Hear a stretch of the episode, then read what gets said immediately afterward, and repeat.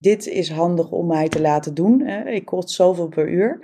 Uh, dit is slim, hier voeg ik waarde toe en hier niet. En, en eigenlijk is het zo simpel. En, zo, en we hebben allemaal een uurloon, ook als we in dienst zijn. Dus als we, als we zo gaan kijken, dus het, vind ik het mooi om daar even mee af te sluiten. Van, ja, uiteindelijk gaat het daarover. Het gaat over waarde leveren. En we willen allemaal waarde leveren, maar stel mensen in staat om dat ook daadwerkelijk te doen.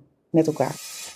Podcast De Biep is Meer gaat op zoek naar de toekomst van openbare bibliotheken en hoe zij bijdragen aan de maatschappelijke uitdagingen van deze tijd. Met nieuws uit de sector, spraakmakende gasten en verrassende thema's word je meegenomen in de wereld van leesbevordering, digitaal burgerschap en participatie. De Biep is Meer is een initiatief van Matt Gubbels die jou wil informeren en inspireren. Hij gelooft in de kracht van podcasting en het verhaal van de bibliotheek.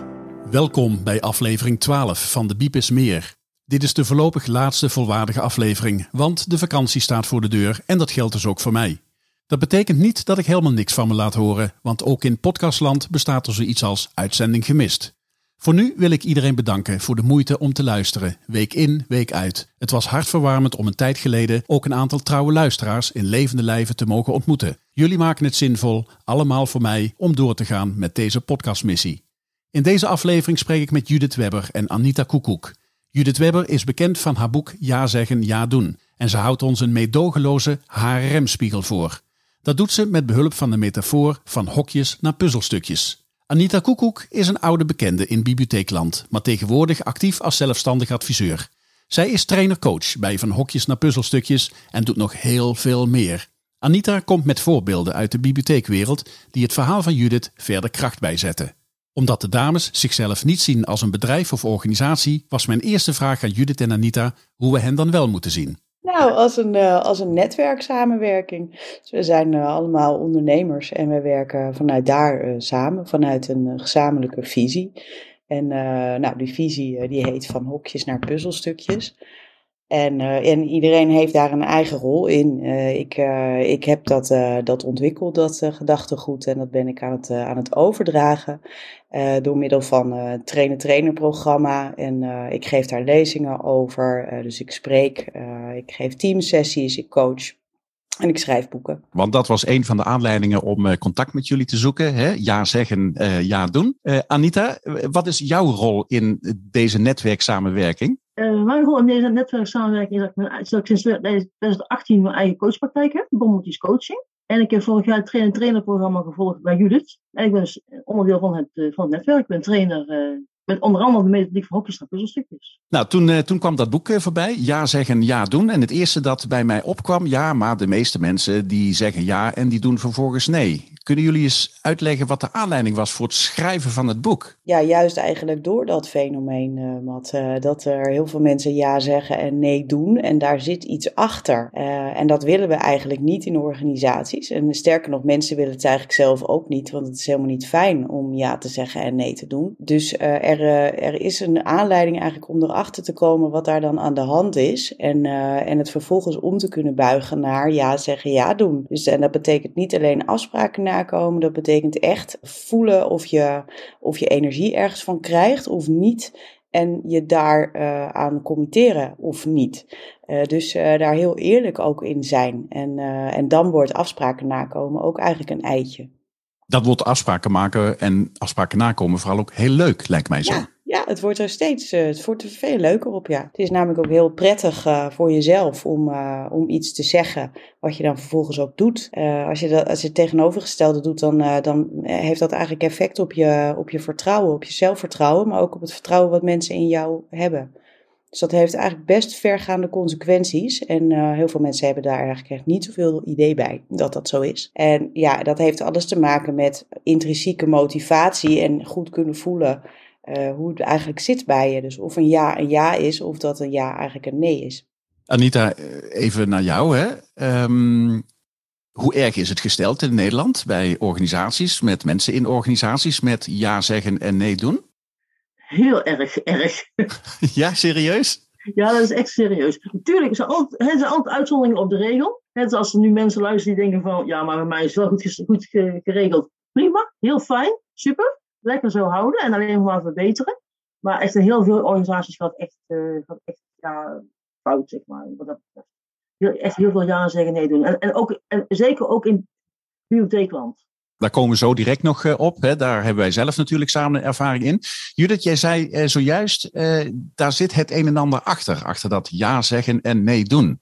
Kun je daar eens ja, verder op ingaan? Um, ja, er is een. Um, ieder mens heeft beweegredenen. Dat vind ik altijd mooie woorden. Dus uh, dat is eigenlijk motivatie. Uh, dus uh, dus waar, waartoe doe je iets? En um, ja, als mensen niet bewegen, dus als ze nee doen, dan, dan hebben ze daar een reden voor. En de kunst is om daar op een liefdevolle, nieuwsgierige manier achter te komen. In plaats van met het vingertje wijzend dat uh, dat je niet je afspraken nakomt. Uh, maar eigenlijk vanuit een uh, ja, onderzoekende houding, verbindende communicatie gebruiken om contact te maken, om te gaan ontdekken. Misschien wel samen, want het zou best kunnen dat de ander ook niet, niet doorheeft wat het precies is. Maar dat je er wel achter hebt te komen wat het dan is dat, dat maakt dat iemand niet beweegt. En meestal is het, uh, heeft dat te maken met dat mensen dat, dat onderdeel eigenlijk gewoon niet zo heel erg leuk vinden of niet zo heel erg goed in zijn, geen energie van krijgen. Ja, eigenlijk, eigenlijk dus een nee voelen. En dan gaan ze dus heel makkelijk nee doen. Dus dan uh, komt er iets leukers voorbij en dan uh, valt dit zomaar per ongeluk van je bureau af. dat kennen we allemaal wel. Ja, ja, ja. En, en dat maakt dus ook eigenlijk, heb ik begrepen uit jullie boek, veranderen binnen een organisatie om van A naar B te komen, maakt dus heel erg moeilijk. Ja, nou, dat komt eigenlijk omdat mensen er dus niet open over zijn. Dus niet open en eerlijk over zijn. Naar zichzelf allereerst. Dus daar begint het. En uh, als je verandering wil, dan, dan wil je eigenlijk juist dat mensen zich uit gaan spreken over hoe ze daar dan naar kijken. En ook over uh, of ze daar misschien wel risico's bij zien. Want die heb je ook heel hard nodig in, uh, in organisaties. mensen die die risico's zien heel, uh, is heel handig. Uh, misschien niet helemaal bij de opstart, maar op een gegeven moment wil je wel van nou kijken van wat, uh, ja, waar moeten we allemaal rekening mee houden. Um, je, je, schat mensen daarmee ook op waarde. Dus uh, dat ze um, ja, echt vakkennis hebben en inhoud hebben om uh, er iets van te vinden. Um, ja, mensen die heel enthousiast zijn, die wil je natuurlijk ook horen. Dus je wil eigenlijk gewoon terug horen uit je organisatie hoe mensen erbij zitten. En die openheid en eerlijkheid ontbreekt bij heel veel organisaties. En uh, best wel veel vanuit wantrouwen wordt er georganiseerd. Mensen doen gewoon maar hun werk en zeggen dan, ja, nou ja, ik, het moet toch gedaan worden. En ik, ik, doe maar mijn best of zo, weet ik veel. Maar, maar ja, ik geloof al heel erg in bevlogenheid en in, in werken echt vanuit talenten en in werken vanuit um, uh, passie en uh, verbinding heel belangrijk maken in organisaties. En verbinding en vertrouwen en veiligheid, dat zijn thema's die allemaal met elkaar te maken hebben en die alles ook te maken hebben met die open en eerlijkheid. En dat, is, um, dat stimuleren we eigenlijk door deze um, manier. Dus door met van hokjes naar puzzelstukjes aan de gang te gaan, waar ik zo nog wel meer over ga vertellen, gok ik. Um, ja, komt er eigenlijk uh, een openheid die er daarvoor nooit was. En dat doorbreekt dus eigenlijk de cirkel van, nou, we hebben het hier gewoon maar niet over. We doen net alsof het er niet, aan de, aan niet is. Maar ondertussen zien we wel allerlei effecten ervan. Anita, even de overstap naar bibliotheekland. Hè? Ja zeggen, nee doen. Um, heb je het gevoel dat ook bij bibliotheken dit fenomeen heel duidelijk aan de hand is? Hè? Want de bibliotheken zitten nu in die transitie, in die verandering van de klassieke naar maatschappelijke bibliotheek. Ja, dat is zeker heel erg aan de hand. Vroeger al, en, en ik, ik, ik heb trouwens een, een verleden van 30 jaar in een bibliotheek uh, uh, waar gewerkt heb. Uh, dus in die tijd was het al heel duidelijk. En het is nu, nu nog steeds het geval. Kun je wat voorbeelden noemen? Ja, ik heb, ik heb wel een heel concreet voorbeeld. in, in, in, in, ja, rond, in de jaren dat, dat de bibliotheek naar retail ging hadden heel veel, vonden heel veel veranderingen plaats in de bibliotheek. Het informatiebureau dat verdween. Perceel moest achter de balie blijven staan, moest blijven rondlopen. Als je een fysieke beperking had, ja, dan, dan was het gewoon heel lastig voor iemand. Ja. En dan ja, was je toch op de nominatie om functie elders. Dan, dan, kon je, dan pas je niet meer in het hokje van dat. Dat was heel erg afhankelijk van de directeur die, die er dan is. Ja, of, ja, of je kon blijven in een andere uh, taakomschrijving, of takenpakket eigenlijk. Of dat je weg moest, want was er dan geen plaats meer. Dus dat, dat, is, ja, dat is wel een heel concreet voorbeeld. En, en, en dat soort dingen gebeuren nog steeds. En, en dat is ontzettend jammer. Ja, zeker. Jij noemt al het woord hokjes hè, als onderdeel van hè, jullie eh, bredere methodiek. Eigenlijk hoor ik jou zeggen van ja, mensen kleuren te veel binnen hun hokjes, terwijl ze misschien ook buiten het hokje graag dingen zouden willen doen. Ja, klopt. Dat klopt. En, en, en, en, en ja, mijn, mijn ding is dan ook ja, laat mensen ook dingen buiten hun hokje doen. Kijk, samen met het team, oké, welke taken moeten er uh, gedaan worden? En, en, en, en, en, luister naar de mensen waar ze echt energie van krijgen, zoals jullie dat ook aangaf, hè, waar ze een ja tegen zeggen. En welke taken ze niet prettig vinden, geen energie van krijgen, geen, geen echt talent voor hebben. En, en maak zo uh, het takenpakket rond met iedereen. Ja. En maak je gebruik van ieders uh, talenten. En krijg je blije, blije en tevreden medewerkers. Dat is gewoon echt een, win-win situatie. Maar wat doen we dan met de taken die we niet uh, leuk vinden? Splitsen we die uh, andere mensen in de maag? Uh, nou ja, er, zijn, kunnen taken zijn die, die, die jij niet leuk vindt, maar die een ander helemaal super tof vindt om te doen. Ja, dus er is altijd voor iemand voor te vinden. Of je gaat kijken, als, als er niemand is die er energie van krijgt, dan kun je het anders organiseren bijvoorbeeld. Hey, hoe is die taak ook op een andere manier te doen? Want je geautomatiseerd worden. Noem maar iets. Kun je de metafoor eens uitleggen van, van de hokjes en de puzzelstukjes om dat hokje samen met elkaar te vullen? Ja, ik heb een, een achtergrond in, uh, in HR. Dus uh, dat betekent dat het hokje eigenlijk een heel belangrijk onderdeel was van het instrumentarium van mijn, van mijn rol. Dat, die rol heb ik vervuld bij twaalf verschillende organisaties. En daar kreeg ik altijd een organogram een verzameling hokjes uh, om mee te beginnen. En toen kreeg ik dan uh, de boodschap bij: zo zijn wij georganiseerd. En uh, dit is onze organisatie. Nou, die zag er ongeveer overal hetzelfde uit. Uh, dat vond ik steeds grappiger worden, want ik, nou, ik heb in die twaalf jaar twaalf verschillende organisaties gezien. En die organogrammen die leken verdomd veel op elkaar.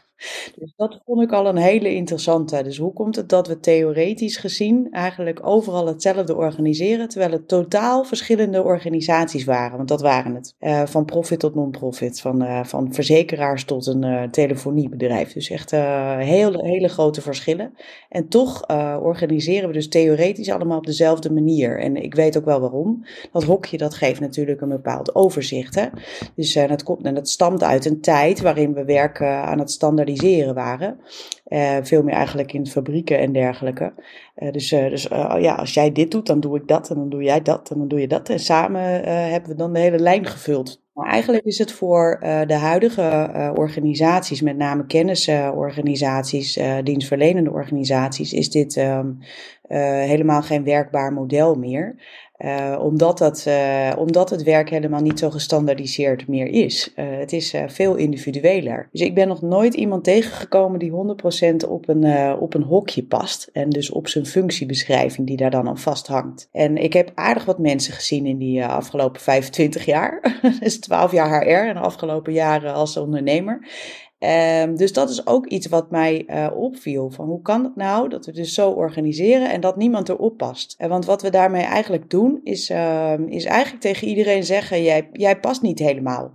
En we gaan vervolgens uh, ons best doen om die, die gaten, die manco's, aan te vullen, om die te verbeteren. En, en dat is een doortrekking van het systeem wat we op school al leren. Aha. De zesjescultuur. Ja. Ja. Dus uh, de vier moeten zes worden. En, uh, en da daarmee hebben we geen oog voor de achten en de negens. En dat is, dat is eigenlijk een. Uh, uh, ja, dat, ik vind dat schrijnend, want daarmee heb je dus ook geen oog voor wat er allemaal al goed gaat. We zijn heel erg gefocust op wat er niet goed gaat. En dat moet verbeterd worden. En nou ja, dat werkt eigenlijk op school al niet echt, hè? Dus, maar we krijgen dat wel heel erg mee. Dus dat is waar we, we van school komen. Als je maar hard genoeg je best doet, dan, wordt het, dan lukt het wel. Nou, dat is dus helemaal niet het geval. Sommige mensen die. die die zijn gewoon helemaal niet goed in, uh, in cijfertjes, ik noem maar wat, maar wel fantastisch in, in, uh, in taal. En dat, dat, dat wordt eigenlijk niet, niet meer op waarde geschat, omdat er zoveel aandacht gaat naar het negatieve. Dat doet ons brein ook. Hè? Uh, focus op het negatieve. Dus, dus daar gaat on, onevenredig veel aandacht heen. En dat is in organisaties niet anders. En daarmee uh, ontluik je absoluut niet het potentieel wat er in mensen zit. Dus, uh, dus de waarden die we allemaal in ons hebben, die zitten gekoppeld aan onze talenten. En nou, wellicht wat vaardigheden, dingen die we kunnen. Uh, maar niet aan, uh, aan al die dingen waar je dus zo heel hard op moet drukken om dat voor elkaar te krijgen. Zo, ik zal een voorbeeldje noemen. Ik uh, was bijvoorbeeld zelf niet goed in beleidsstukken schrijven. Daardoor dacht ik trouwens dat ik überhaupt niet kon schrijven. Dus dat is ook een hele interessante. Ik ben inmiddels vier boeken verder. Maar beleidsstukken schrijven, dat ging niet, niet echt lekker af. Ik, ik kwam maar tot één pagina, een soort van samenvatting. Want samenvatten kan ik wel goed. Uh, maar ja, dat was niet wat, wat men wilde. We wilden twintig pagina's. Uh, dat, uh, dat was de bedoeling. Waarom is mij nog steeds onduidelijk, ja, maar ja, goed. ja. Want die vraag die stelde ik dan wel. Eh, dus ja, eh, daar, dat, dat lukte mij gewoon niet. Ik kreeg het niet voor elkaar om er 20 pagina's van te maken. Ja, dan kan je daar dus nog harder op duwen of maar een cursus beleidsstukken schrijven gaan geven. Maar ja, het zat er gewoon niet in. En dat, ehm, ja, ik, dat is ook wel iets wat ik kan concluderen na, na die 25 jaar. Iedereen heeft eh, minstens één nee eh, op zijn lijstje staan. Dus minstens één taak waarvan hij zegt, nou, hier voeg ik echt geen waarde toe. Laat me alsjeblieft wat anders doen. Maar dat betekent dus dat, dat in het hokje er altijd wel één puzzelstukje is dat eh, ontbreekt bij mensen in Nou, organisaties. het, ehm, eh, om even de metafoor helemaal helder te maken. eh, een puzzelstukje is eigenlijk ook een hokje. Wat ik altijd, eh, altijd doe, dat, doe, dat teken ik dan nu maar even in de lucht. eh, dan, eh, een, een puzzelstukje heeft instulpingen. En dat zijn de nee's. Dus die dingen die zou je eigenlijk zo uit je hokje willen halen. En dan heb je dus een, Ja. een instulping. En eh, nou, die heb je te lokaliseren om eigenlijk ook bij de ja's terecht te komen. En de ja's zijn de uitstulpingen van het hokje. Dus dat zijn de uitstulpingen van het puzzelstukje. Nou, die, die passen natuurlijk, zoals Anita ook al zei, in, eh, in die van een ander. In de nee van een ander past een ja. En eh, daar kom je achter door het erover te hebben. Op geen enkele andere manier. Ja, want, want, want een van de kenmerken van jullie aanpak is dat jullie eh, in plaats van een aanpak voor veranderen, een gespreksmethodiek voor veranderen hebben. Hoe, hoe, hoe pakken jullie dat aan, Anita? Eh, kun, je, kun je eens aangeven hoe je dan het gesprek aangaat om hè, het, het, het ja, dilemma van de hokjes en de puzzelstukjes om dat, om dat op te lossen? Ja, wat ik, eh, wat ik ben gaan doen. eh, in 2013 heb ik, eh, heb ik deze methodiek ontwikkeld. En ehm, ik ben ermee gaan werken met teams. Dus Anita gaf ook al aan, eigenlijk in je team heb je, heb je eigenlijk alles in huis. En dat is een soort, soort mini ja, samenlevingje eigenlijk. En, dat, dat, dat, en er zijn natuurlijk een heleboel teams en samen heb je een hele organisatie. Je zou zelfs de hele organisatie als een puzzelstukje kunnen zien. Eh, dus daar kan je mee doorgaan. Uh, maar even terug naar het team. Dus je zit met een team, dus een team en een leidinggevende. Wat mij betreft uh, uh, zitten daar gewoon allemaal medewerkers. Zo kijk ik daarnaar. er is een, wat mij betreft ook een gelijkwaardigheid daarin.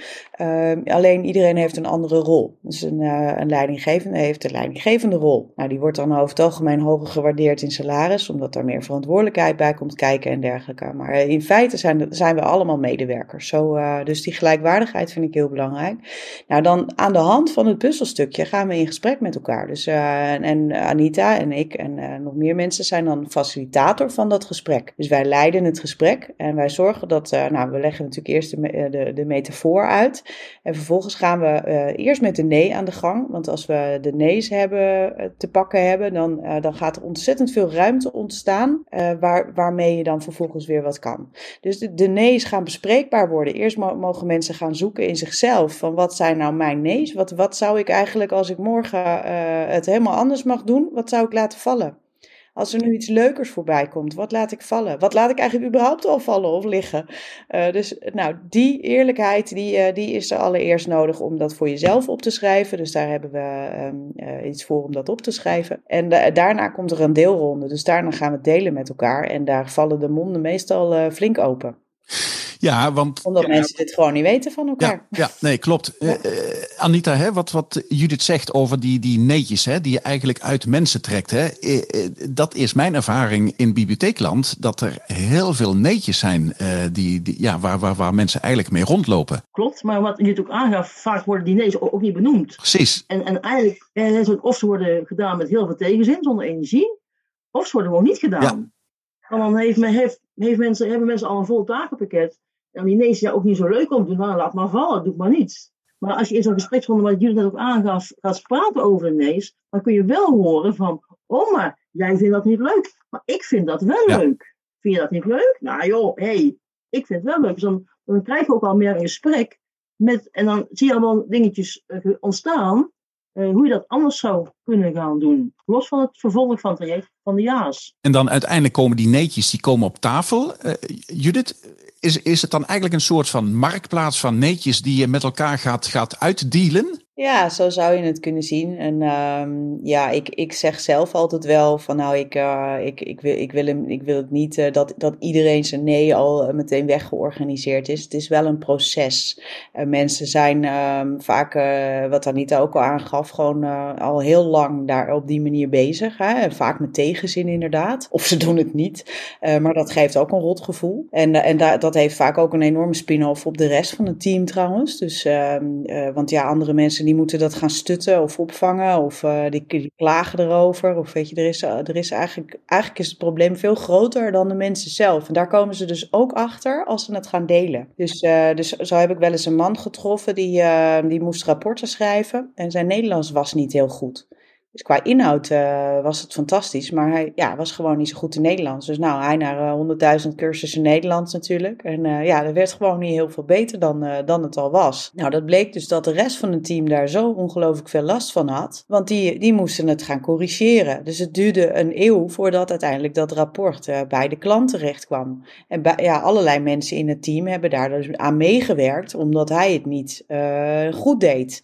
Maar dat was niet een afspraak, dat ging gewoon zo. En dat levert dus irritatie op. Dus dat, en geroddel, geklaag en, en, en, en voor hem ook geen lekker gevoel. Dus er zitten daar allemaal mensen met een rotgevoel eigenlijk, omdat iemand niet toegeeft dat hij daar gewoon niet goed in is. En dat hij dat ja, niet leuk vindt. Uiteindelijk bleek dat hij uh, um, jonge, uh, on, jonge medewerkers coachen, dus mensen die net binnenkwamen, uh, dat hij dat fantastisch vond. Dus dat was zijn ja, maar daar kwam hij nooit aan toe.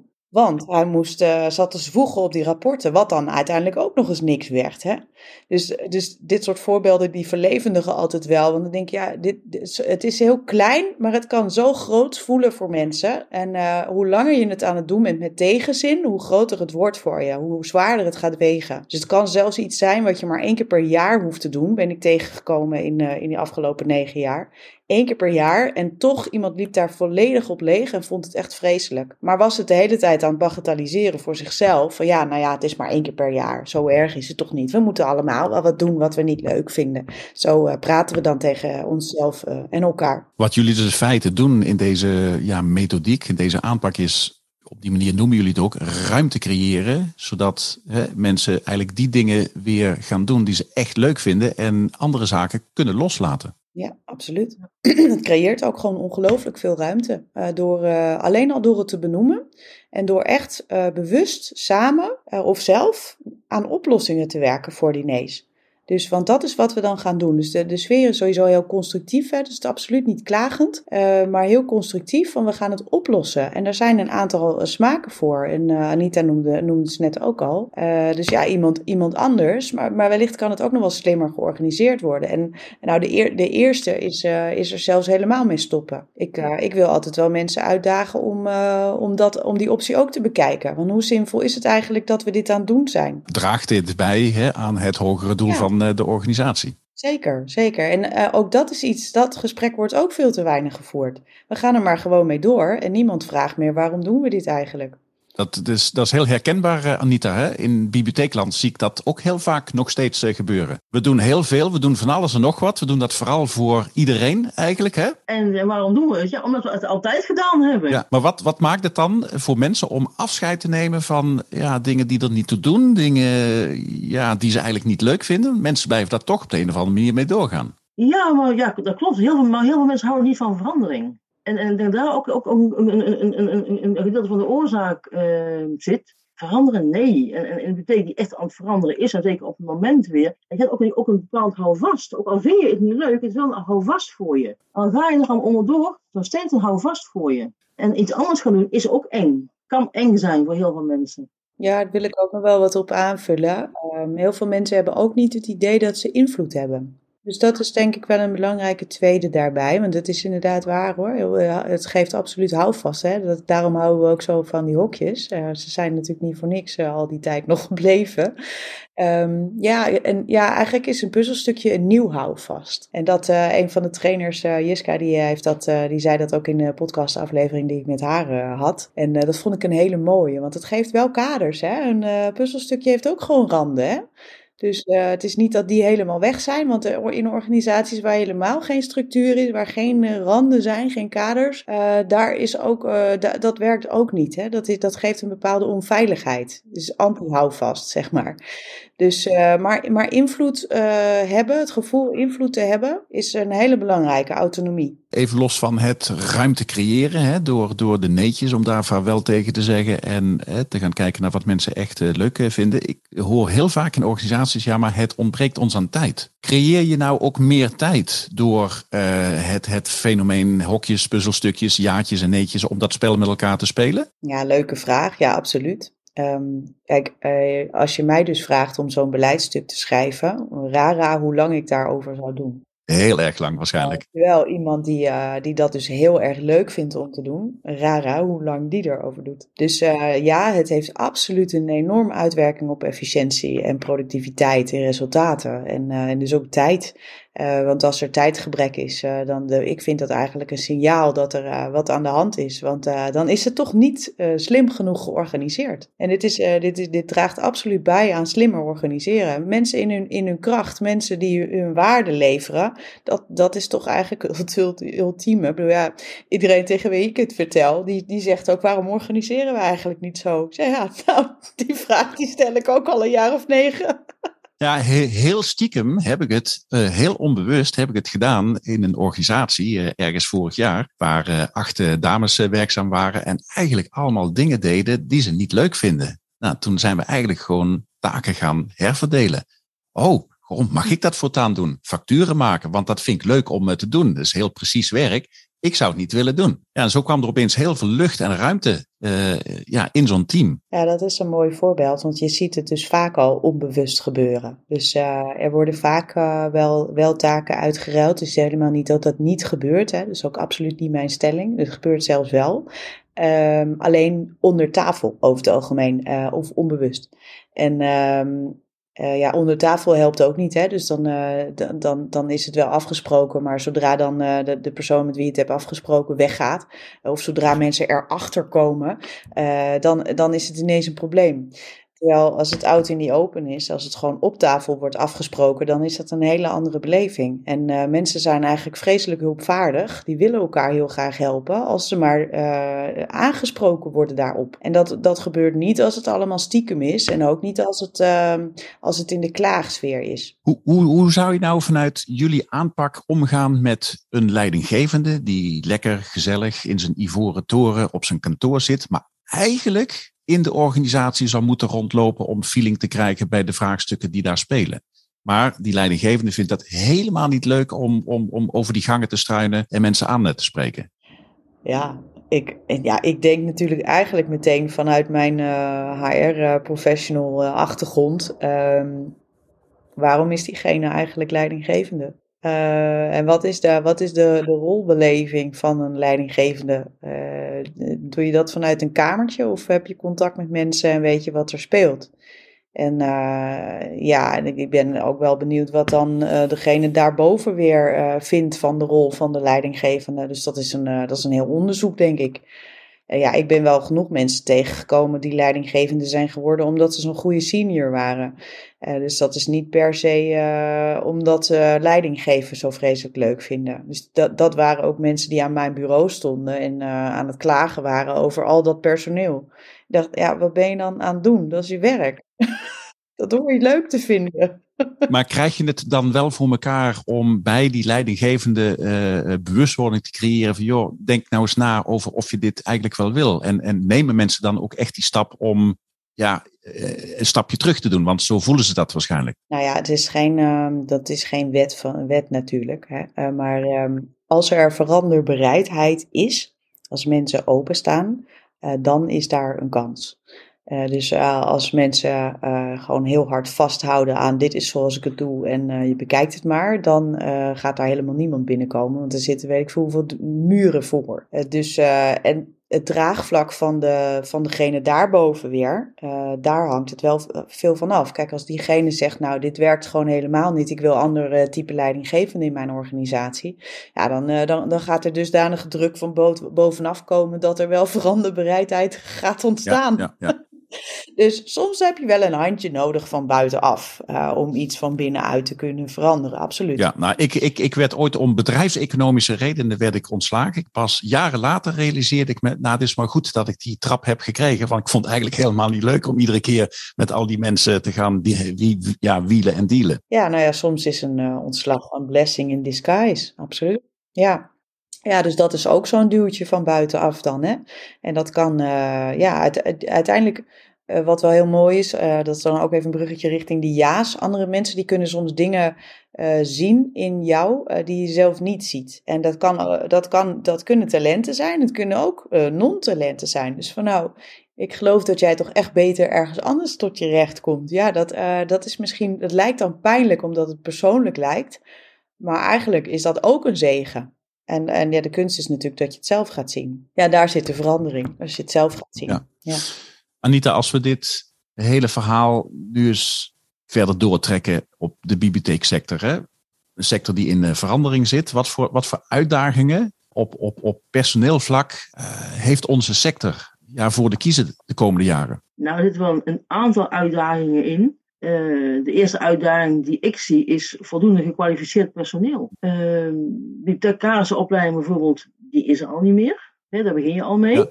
Dus ja, er is ook heel veel vergrijzing. Heel veel mensen gaan met pensioen. Er komen nieuwe, nieuwe mensen voor in de plaats, jonge mensen vaak. Jonge mensen zijn natuurlijk hartstikke mooi, hartstikke prima. Die gaan dingen anders bekijken. Nou, anders hoeft niet verkeerd te zijn.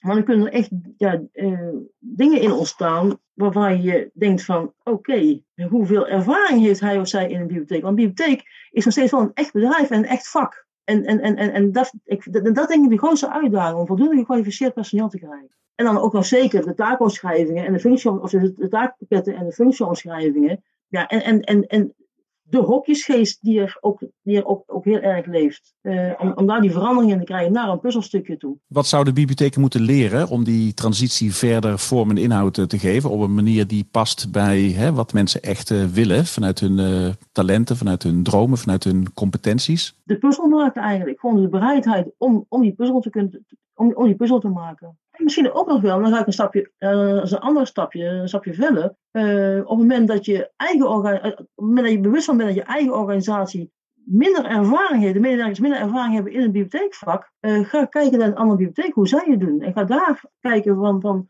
oké, wat zijn praktische dingen die ik kan, kan toepassen. En, en luister ook naar de medewerkers die al wel langer in dienst zijn. En dan, die dan misschien een ander takenpakket hebben, een andere functieomschrijving hebben. Uh, en er dan in, in, de ogen van directie er niet toe doen, want ja, ze zijn maar actief medewerkers. Maar waar dan wel heel veel kennis zit. Dat klinkt dan ook alsof er nog wel iets meer op waarde geschat moet worden. Want dat uh, maar administratief medewerker, daar wordt de gaan mijn haren van rechter overeind staan. Dat is natuurlijk wel. Dat, maar dat ligt natuurlijk wel vaak ten grondslag aan. Kijk, de, een bepaalde manier van kijken naar uh, personeel of naar mensen. Dat ligt, dat is eigenlijk de basis, het fundament op, waarvan je, waardoor je op een bepaalde manier gaat organiseren. Dus als je mensen als poppetjes ziet of als minderwaardig ziet, of dat er zo'n hiërarchie in ziet, zit, uh, dan ga je vanuit daar ook handelen. Uh, dus, dus ja, in mijn ogen is het gewoon een enorme, ja, niet, niet één mindset switch, maar een heleboel. Uh, om, om te komen tot uh, mensen zijn allemaal even waardevol en samen leggen we de puzzel inderdaad. Dus die, die bereidheid, die, die onderstreep ik volledig. er zit best wel wat mindset werk aan, aan, aan de voorkant. Ja, heel, helemaal eens. Ik, ik, ik ken zo'n organisatie waar dit, op dit moment speelt. een heel nieuwe directie, heel onervaren. er zitten nog heel goede, echt heel goede, bekwame administratief medewerkers. Er is nu een verandering in, in uitleenvoorwaarden, abonnementsvormen. Veel lezers die, die, die kunnen er echt helemaal niks mee. En dan ga ik daarover in gesprek. Dan zeggen ze, ja, uh, 20 jaar ervaring telt niet mee, maar ons luisteren ze niet. Judith, veranderen is dus eigenlijk een kwestie van met elkaar de puzzel leggen. De puzzel van de jaartjes en de neetjes. Mag ik het zo samenvatten? Ja, dat, nou ja, dat is een, um, het is een heel fijn um, uh, basis die je daar met elkaar legt. En eigenlijk wordt iedere verandering die je daarna nog wil doorvoeren uh, veel makkelijker omdat je mensen uh, wel naar ze luistert hè, en mensen op waarde schat. Mensen hebben zelf ook het gevoel dat ze bijdragen, dat ze onderdeel zijn van het geheel. Ze kennen hun eigen plekje. Ze pakken eigenaarschap, dus ze nemen verantwoordelijkheid, zijn er ook op aanspreekbaar. Ze kunnen, er is gewoon een dialoog op mogelijk. Uh, dus het wordt een lerende organisatie, weet je. Dus daar zijn, er zitten zoveel uh, facetten in. En um, door, doordat het zoveel facetten raakt eigenlijk, kun je iedere verandering die er daarna dus uh, mag komen, die veel meer over de inhoud gaat bijvoorbeeld, veel makkelijker um, ja, daar, ja, doorvoeren is niet eens het woord, uh, met elkaar die beweging maken. Stel nou, uh, ik koop jullie boek, Ja zeggen, ja doen kan ik dan zelf aan de slag met, met het gedachtegoed dat jullie zojuist ja, zeer uitgebreid hebben neergelegd uh, in deze podcast? Ja, je kunt zelf wel heel veel doen. Er staat wel een, uh, een handleiding achterin hoe je, hoe je zelf uh, zo'n sessie zou kunnen begeleiden. Uh, overigens raden wij wel aan om dat wel met een facilitator van ons te doen. Uh, het is namelijk gewoon heel moeilijk om uh, in je eigen team zelf een, een neutrale rol ja. aan te nemen. Ja. Dus, uh, dus dat lukt niet omdat je onderdeel van de groep bent. En als je dat als leidinggevende doet, dan ben je nog steeds de leidinggevende, weet je. Dus daar, daar, daar ontkom je niet aan. Dus ja, wellicht uh, dat een, een, een HR-persoon uh, die wat meer afstand tot de groep heeft, het kan doen. Maar dan raad ik nog steeds aan dat diegene wel even langs, langs ons komt voor een trainer-trainer programma. Want mm, het, als mensen lang in een, in een hokje hebben gebivakkeerd, dan, dan maakt het een hoop los als ze eruit mogen. Zou dat iets zijn, Anita, voor de bibliotheeksector? Om, om een aantal mensen in dit gedachtegoed op te leiden om veranderingen mee te helpen begeleiden? Ja, zeker weten. Zeker weten. Kijk, je, je kunt kijken of dat je dan per, per basisbibliotheek wil doen. Of dat je bijvoorbeeld zegt bij de, dat je dit bij de professionele serviceorganisatie neerlegt, hè, bij een Cubus of bij een Probiblo, die toch al uh, bibliotheken begeleiden, ook op HR-gebied. Ehm, uh, maar dat, die, dat, die, dat, in ieder geval wel in de bibliotheeksector een aantal mensen zijn die dit gedachtegoed goed te beheersen. En dat ook uh, kunnen toepassen binnen, binnen bibliotheken. Daar wil ik nog wel even een heel klein voorbeeldje bij geven. Um, ik heb een tijd interim werk gedaan en toen had ik dus een uurprijs. Um, dus dat stond dan op de factuur natuurlijk. Ik kostte zoveel per uur. En vanaf het moment dat ik daar ben gaan werken, merkte ik dat, uh, dat, dat, dat ik dat meenam uh, in, in hoe ik daarover praatte. Namelijk, uh, dit is handig om mij te laten doen. Hè. Ik kost zoveel per uur. Dit is slim, hier voeg ik waarde toe en hier niet. En, en eigenlijk is het zo simpel. En, zo, en we hebben allemaal een uurloon, ook als we in dienst zijn. Dus als we, als we zo gaan kijken, dus het vind ik mooi om daar even mee af te sluiten. Van ja, uiteindelijk gaat het daarover. Het gaat over waarde leveren. En we willen allemaal waarde leveren, maar stel mensen in staat om dat ook daadwerkelijk te doen met elkaar. Tot zover deze andere manier van kijken naar en denken over mensen. En de marktplaats van hokjes en puzzelstukjes die maken dat iedereen kan doen wat hij of zij leuk vindt. Voor meer informatie raad ik je aan het boek te lezen dat hierover gaat. Ja zeggen, ja doen. Want dat is waar Judith Webber en Anita Koekoek voor staan. Tot zover ook deze aflevering van De Biepersmeer. Nogmaals een fijne vakantie, geniet met elkaar en stay safe. Tot ergens in augustus.